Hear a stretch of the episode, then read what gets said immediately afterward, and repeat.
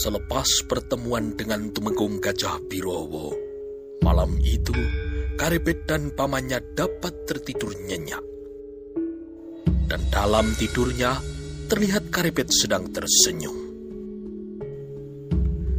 Di pagi hari, ketika matahari telah memanjat langit semakin tinggi, di ruang dalam keraton Demak, Sultan Trenggono sedang menerima kedatangan Tumenggung Gajah Birowo.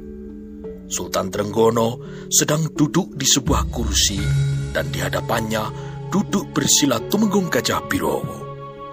Tumenggung Gajah Birowo bercerita dari awal sampai akhir, runtut, tidak ada yang terlewat satupun. Jadi Karebet yang umurnya masih sangat muda itu mampu mengimbangi kekuatanmu, Paman. Tanya Sultan Trenggono. Kasinggian tawuh Kanjeng Sultan. Jawab Tumenggung Gajah Birowo.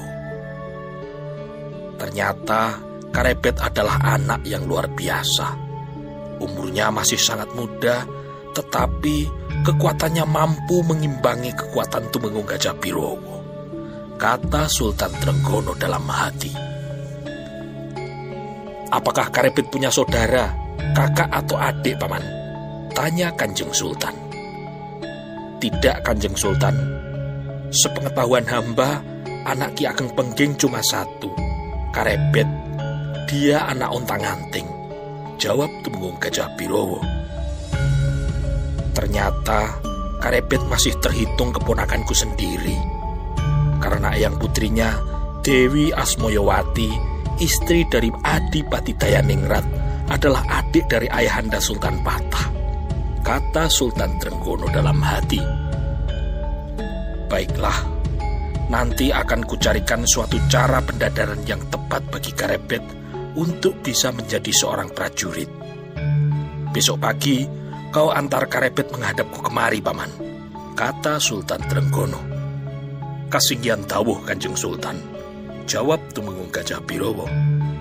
Ya, jangan lupa tugasmu besok pagi Tumenggung Gajah Birowo lalu menyembah dan perlahan-lahan ia bergeser lalu bergerak keluar meninggalkan ruangan dalam.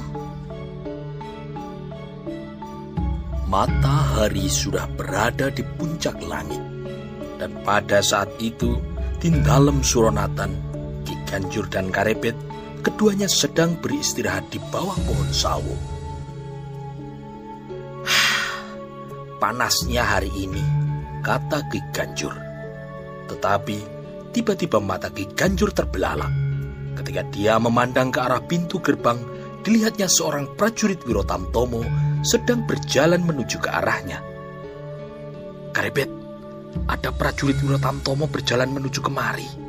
Ada apa lagi nih? Menurut Kitu Menggung, persoalan kemarin sudah selesai, kata pamannya itu. Karebet tidak menjawab, dia berdiri menyambut prajurit itu dengan mengangguk hormat. Ki Ganjur, ini ada perintah dari Tumenggung Gajah Birowo. Besok pagi, Karebet diharap menghadap Ki Tumenggung di dalam Gajah Birawan. Kata prajurit itu. Apakah aku juga dipanggil Ki Tumenggung? Tanya Ki Ganjur kepada prajurit itu. Tidak Ki Ganjur, yang dipanggil hanya Karebet. Jawab prajurit Wirotamtomo itu. Ki Ganjur mengangguk-anggukkan kepalanya. Dia pun heran kenapa Ki Tumenggung kali ini tidak memanggilnya. Setelah memberi perintah kepada Karepet untuk menghadap Ki Tumenggung, maka prajurit Wirotamtomo tersebut berjalan kembali menuju ke dalam Gajah Birawan. Malam harinya, gelap menyelimuti seluruh kota Raja Demak. Pada saat itu, Karepet sedang duduk di depan rumah sambil memandang ke angkasa. Dilihatnya bintang gubuk penceng yang menunjuk ke arah selatan dikelilingi oleh banyak bintang di sekitarnya. Jauh ke arah selatan terletak desa Tingkir. Ada biung di sana. Sekarang sudah sepuh. Sedangkan aku pun sekarang berada di kota raja. Kasihan biung, kata Karebet dalam hati. Karebet masih memandang lintang gubuk penceng, lalu ia pun berkata dalam hati, kalau lebih ke selatan lagi ada sebuah desa dan di sana adalah tanah kelahiranku, Pengging. Ketika dilihatnya beberapa bintang telah berpindah tempat, Karebut pun berkata, Banyak sekali lintang ngalih malam ini. Karebet menoleh ketika mendengar derit pintu dibuka. Dilihatnya pamannya Ki Ganjur berjalan mendekatinya. Karebet, sekarang sudah malam. Wayah sepi bocah sudah berlalu. Sekarang sudah wayah sepi wong. Kau tidak tidur? Tanya pamannya. Iya paman, jawab Karebet dan ia pun beranjak masuk ke dalam rumah. Malam itu, Karebet telah tertidur dan berusaha keras mengisi impiannya, memulai sebuah perjuangan dengan satu tujuan, yaitu Gayo Kamukten. Fajar memerah di ufuk timur, ketika beberapa kali terdengar kokok ayam jantan dan kemudian disusul pula bunyi kicau burung di pohon belimbing. Terlihat Karebet menggeliat bangun dan mulai mempersiapkan dirinya untuk menghadap Tumenggung Gajah Birowo. Setelah berpamitan kepada pamannya, maka Karebet berjalan menuju dalam Gajah Birawan. Ketika dilihatnya di pintu gerbang dalam Gajah Birawan, ada seorang abdi yang sedang menyapu halaman, maka Karebet menghampirinya dan memohon izin untuk menghadap Tumenggung Gajah Birowo. Paman, apakah Tumenggung Gajah Birowo ada? Uh, iya Kisana, Doro Menggung sudah berpesan Kisanak terus masuk saja. Beliau menunggu di ruang dalam, kata Abdi Katemenggungan. Karepet terus berjalan naik ke pendopo, lalu menuju ke ruang dalam, dan ternyata Ki Tumenggung Gajah Birowo sudah menunggu di sana.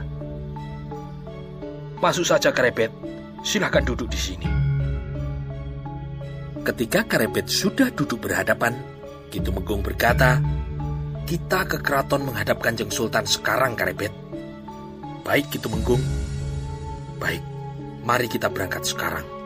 Kata Kitu Menggung, lalu keduanya kemudian berdiri dan berjalan keluar dari dalam Gajah Birawan menuju ke dalam keraton. Tak berapa lama kemudian, mereka berdua telah tiba di alun-alun. Lalu mereka pun kemudian menuju pintu gerbang keraton.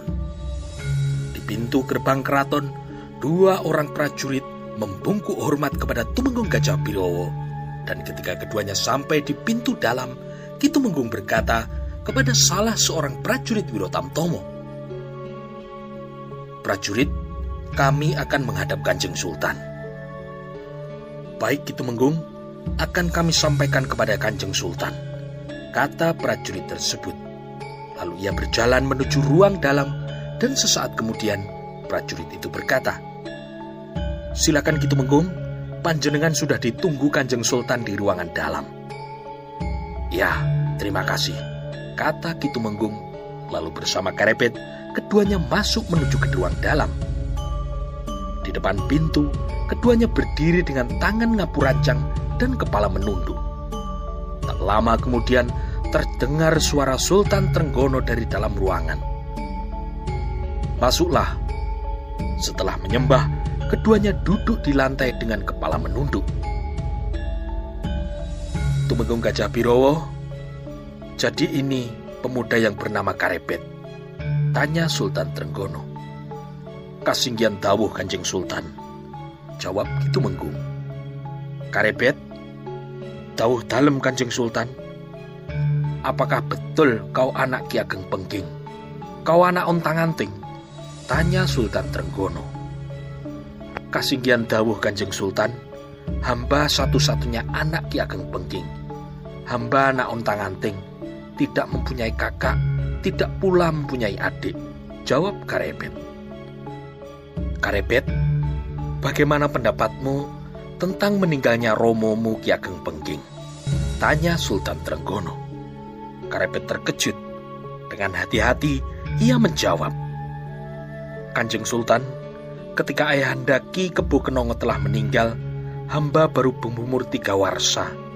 Hamba tidak tahu mengenai kejadian itu. Dan sejak meninggalnya ayahanda, maka persoalan pengging telah dianggap selesai.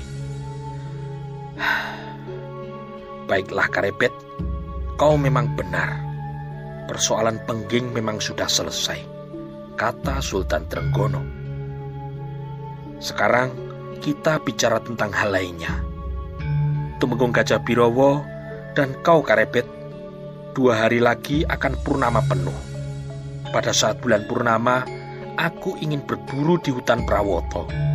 Kalian berdua akan aku ajak pergi berburu, kata Sultan Trenggono. Sentiko tawuh kanjeng Sultan, jawab keduanya. Belum sempat Sultan Trenggono menjelaskan tentang perburuannya, di depan pintu telah berdiri seorang pemuda sebaya dengan karebet. Bertubuh sedang, dengan sikap ngapurancang, kepala menunduk, ia menghadap ke arah kanjeng Sultan. Masuklah, kata kanjeng Sultan Trenggono kepada pemuda tersebut. Setelah menyembah, maka pemuda itu bergeser akan duduk di lantai di sebelah Mas Karebet. Karebet menggeser duduknya dan tanpa sengaja pandangannya bertemu dengan tatapan mata pemuda itu. Sorot matanya sangat tajam. Siapakah pemuda ini? Tatapan matanya tajam seperti sorot mata seekor kucing condromowo, kata Karebet dalam hati. Setelah pemuda tersebut duduk dan menyembah, lalu terdengar Sultan Trenggono berkata, Aryo Penangsang, Tauh dalam Pamanda Sultan, ada apa memanggil hamba? Kata pemuda itu. Ya, kau kupanggil karena besok lusa pada saat bulan purnama aku akan berburu ke hutan Prawoto. Kau akan ikut berburu di hutan Penangsang? Tanya Sultan Trenggono. Mohon ampun Pamanda, besok Ananda sudah terikat janji dengan lurah Pasar Pon. Ananda akan mengganti satu ekor kuda jantan miliknya yang mati ketika dikejar kuda hitam milik Ananda, yaitu si gagak rimang. Beberapa tulang ikannya patah kena sepak. Tulang lehernya juga patah kena gigit si gagak rimang. Kata Aryo Penangsang. Oh, lalu besok lusa? Tanya Sultan Trenggono. Ananda akan ke Jipang untuk mengembalikan tombak pusaka Jipang yaitu tombak Kiai Muntab yang telah hamba pakai untuk membunuh suruh alap-alap, kata Aryo Penangsang. Ya, aku dengar kau telah membunuh suruh alap-alap, kata Kanjeng Sultan. Baiklah, tidak apa-apa, hanya persoalan berburu saja Penangsang, tidak ada persoalan lainnya. Sekarang kau boleh kembali. Hamba mohon pamit Pamanda Sultan, kata Aryo Penangsang sambil menyembah, lalu hilang di balik pintu. Setelah Aryo Penangsang tidak terlihat lagi, Kanjeng Sultan berkata, Tumenggung Gajah Birowo, kau dan Karebet, kita lanjutkan pembicaraan nanti. Jadi besok lusa, kita berangkat pada pagi hari. Lalu malam harinya, kita berkemah di hutan Prawoto. Bagaimana menurut pendapatmu, Paman? Sendiko dawuh Kanjeng Sultan. Lalu jumlah prajurit pengawal yang ikut ke hutan Prawoto apakah seperti biasanya? Kata Tumenggung Gajah Birowo. Ya, tujuh orang prajurit Wirotamtomo yang kau pimpin sendiri dan enam orang prajurit dari Kesatuan Wirobrojo di bawah pimpinan Tumenggung Gagak Anabrang, Tumenggung Suropati, dan beberapa prajurit Wiromanggolo. Dua orang abdi dalam ditambah karebet seorang kata Sultan Trenggono. Kasinggian dawuh Kanjeng Sultan, kata Tumenggung Gajah Birowo. Besok pagi, kau siapkan semua peralatan dan perlengkapan untuk berburu, kata Kanjeng Sultan. Seperti biasanya, besok berangkatkan dulu beberapa prajurit dari Kesatuan Wiromanggolo untuk melihat keadaan hutan Prawoto. Sentikot dawuh Kanjeng Sultan, jawab Tumenggung Gajah Birowo. Tumenggung Suropati sudah kuberitahu. Kau tidak perlu pergi ke dalam Suropaten, kata Kanjeng Sultan. Ya, hanya itu. Dan sekarang kau boleh kembali ke tempatmu, Paman. Hamba mohon pamit Kanjeng Sultan, kata Tumenggung Gajah Birowo, lalu bersama Karebet, keduanya menyembah kepada Kanjeng Sultan, lalu bergeser ke arah pintu. Keduanya lalu perlahan-lahan keluar dari ruangan dalam. Kemudian mereka berdua berjalan menuju pintu gerbang. Tumenggung Gajah Birowo menganggukkan kepalanya kepada prajurit yang menjaga pintu gerbang. Setelah itu, bersama Karebet, keduanya berjalan kaki pulang menuju ke dalam Gajah Birawan dan dalam Suronatan. Oh, Kitu Menggung, pemuda yang dipanggil oleh Kanjeng Sultan Tradi yang sorot matanya tajam, apakah bernama Penangsang? Tanya Mas Karebet. Ya, Aryo Penangsang, putra dari Pangeran Sekar Sedolepen yang merupakan saudara dari Kanjeng Sultan Trenggono. Ibu dari Aryo Penangsang berasal dari daerah Jipang, putri Sunan Ngudung, kata Tumenggung Gajah Birowo. Aryo Penangsang, pemuda yang mempunyai sorot mata yang tajam seperti mata seekor kucing condromowo, kata Karebet. Ya, tiga pasar yang lalu dia mendapat tugas untuk melumpuhkan perampok Surualapalap. Cerita gitu menggung. Surualapalap dari Gua Kiskenda, perampok Dukdeng yang tubuhnya kebal senjata tajam itu Tumenggung, kata Karebet.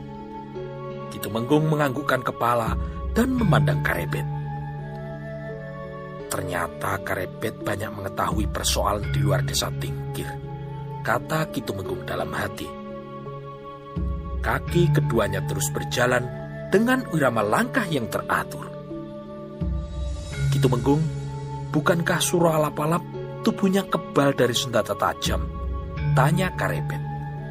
Ya, itulah sebabnya maka Aryo Penangsang membawa tombak pusaka dari Jipang, yaitu tombak Kiai Muntab.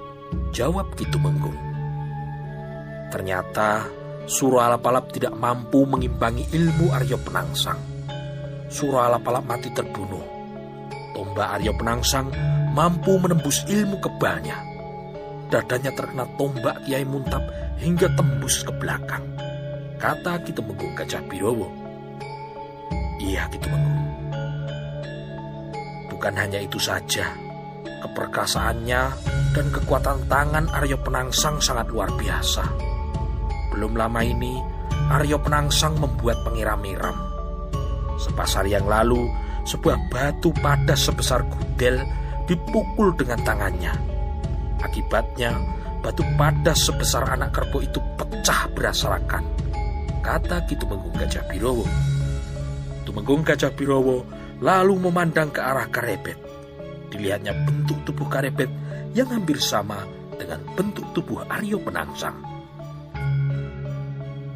Kalau mereka berdua beradu ilmu, kelihatannya mereka berimbang. Tangan Karebet pasti mampu kalau dipakai untuk menghancurkan batu padas sebesar gudel. Kata Tumenggung Gajah Birowo dalam hati.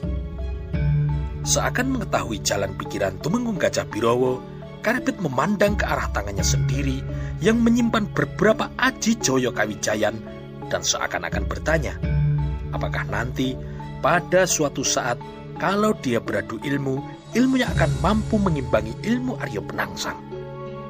Karebet teringat kembali pada saat berlatih olah kanuragan di sebuah hutan dengan lambaran aji tapak angin dia pernah menghantam sebuah batu padas yang juga sebesar gudel hingga pecah berserakan. Selain menghancurkan batu padas, dia pernah pula matek Aji Hastodaono. Tangannya yang kekar menghantam kayu besar sebesar pelukan orang sehingga kayu itu hangus terbakar tak bersisa. Apalagi kalau tubuhnya dilambari dengan aji lembu sekilan. Serangan dari lawannya tertahan pada jarak sekilan dari badannya. Tidak akan ada senjata yang mampu menyentuh tubuh Mas Karebet. Tumenggung Gajah Birowo dan Karebet masih berjalan dengan langkah kaki yang teratur. Dan kini keduanya sudah semakin dekat dengan dalam Gajah Birawan. Kitu Menggung, siapakah guru dari Aryo Penangsang? Tanya Karebet. Gurunya adalah Kanjeng Sunan Kudus. Aryo Penangsang masih terhitung keponakan dari Kanjeng Sunan Kudus. Sebab Kanjeng Sunan Kudus adalah merupakan putra dari Sunan Ngudung. Sejak kecil, Aryo Penangsang hidup di keraton dan ia juga sering berada di Panti Kudus. Cerita Tumenggung Gajah Birowo. Oh, gitu Menggung, setahu saya Sunan Ngudung dulunya berasal dari daerah Jipang Panolan. Ya, ketika terjadi perang Kesultanan Demak melawan Kerajaan Majapahit, Demak dipimpin oleh Sunan Ngudung dari Jipang Panolan sebagai senopati perang. Dengan bersenjatakan tombak dan memakai pusaka Kotang Ontokusumo milik Kanjeng Sunan Kalijogo, Sunan Ngudung memimpin prajurit Demak segelar sepapan. Cerita dari Tumenggung Gajah Birowo. Tidak ada senjata yang mampu menembus kulit Sunan Ngudung yang dilambari dengan Kotang Ontokusumo kala itu. Betapa perkasanya Sunan Ngudung. Dengan memegang tombak pusakanya, Sunan Ngudung berdiri sendiri di barisan paling depan pasukan Demak. Beliau dihujani panah dan tombak oleh para prajurit Majapahit. Namun tak ada satupun senjata yang bisa melukai tubuhnya. Senopati yang memimpin perang dari Majapahit adalah seorang senopati yang tangguh. Ia adalah Adipati Terung. Ia bersenjatakan sebuah keris pusaka Lok 13 bergambar seekor naga yang mempunyai sisik berwarna kuning keemasan. Eh, apakah itu keris Kiai Nogososro Kitu Menggung? Ya, keris Kiai Nogososro. Ternyata kau tahu segalanya, Karebet. Tidak ada seorang pun yang bisa bertahan hidup kalau tubuhnya tergores keris Kiai Nogososro meskipun hanya seujung rambut. Cerita dari Tumenggung Gajah Birowo. Pada saat itu, keris Kiai Nogososro belum diboyong ke Demak Bintoro. Keris itu masih menjadi pusaka ageng kerajaan Majapahit dengan bersenjatakan keris pusaka Ageng Mojopahit Kiai Nogososro, Adipati Terung bertempur melawan Sunan Ngudung yang bersenjatakan tombak pusaka dari Jipang Panolan dilengkapi dengan memakai pusaka Kotang Ontokusumo.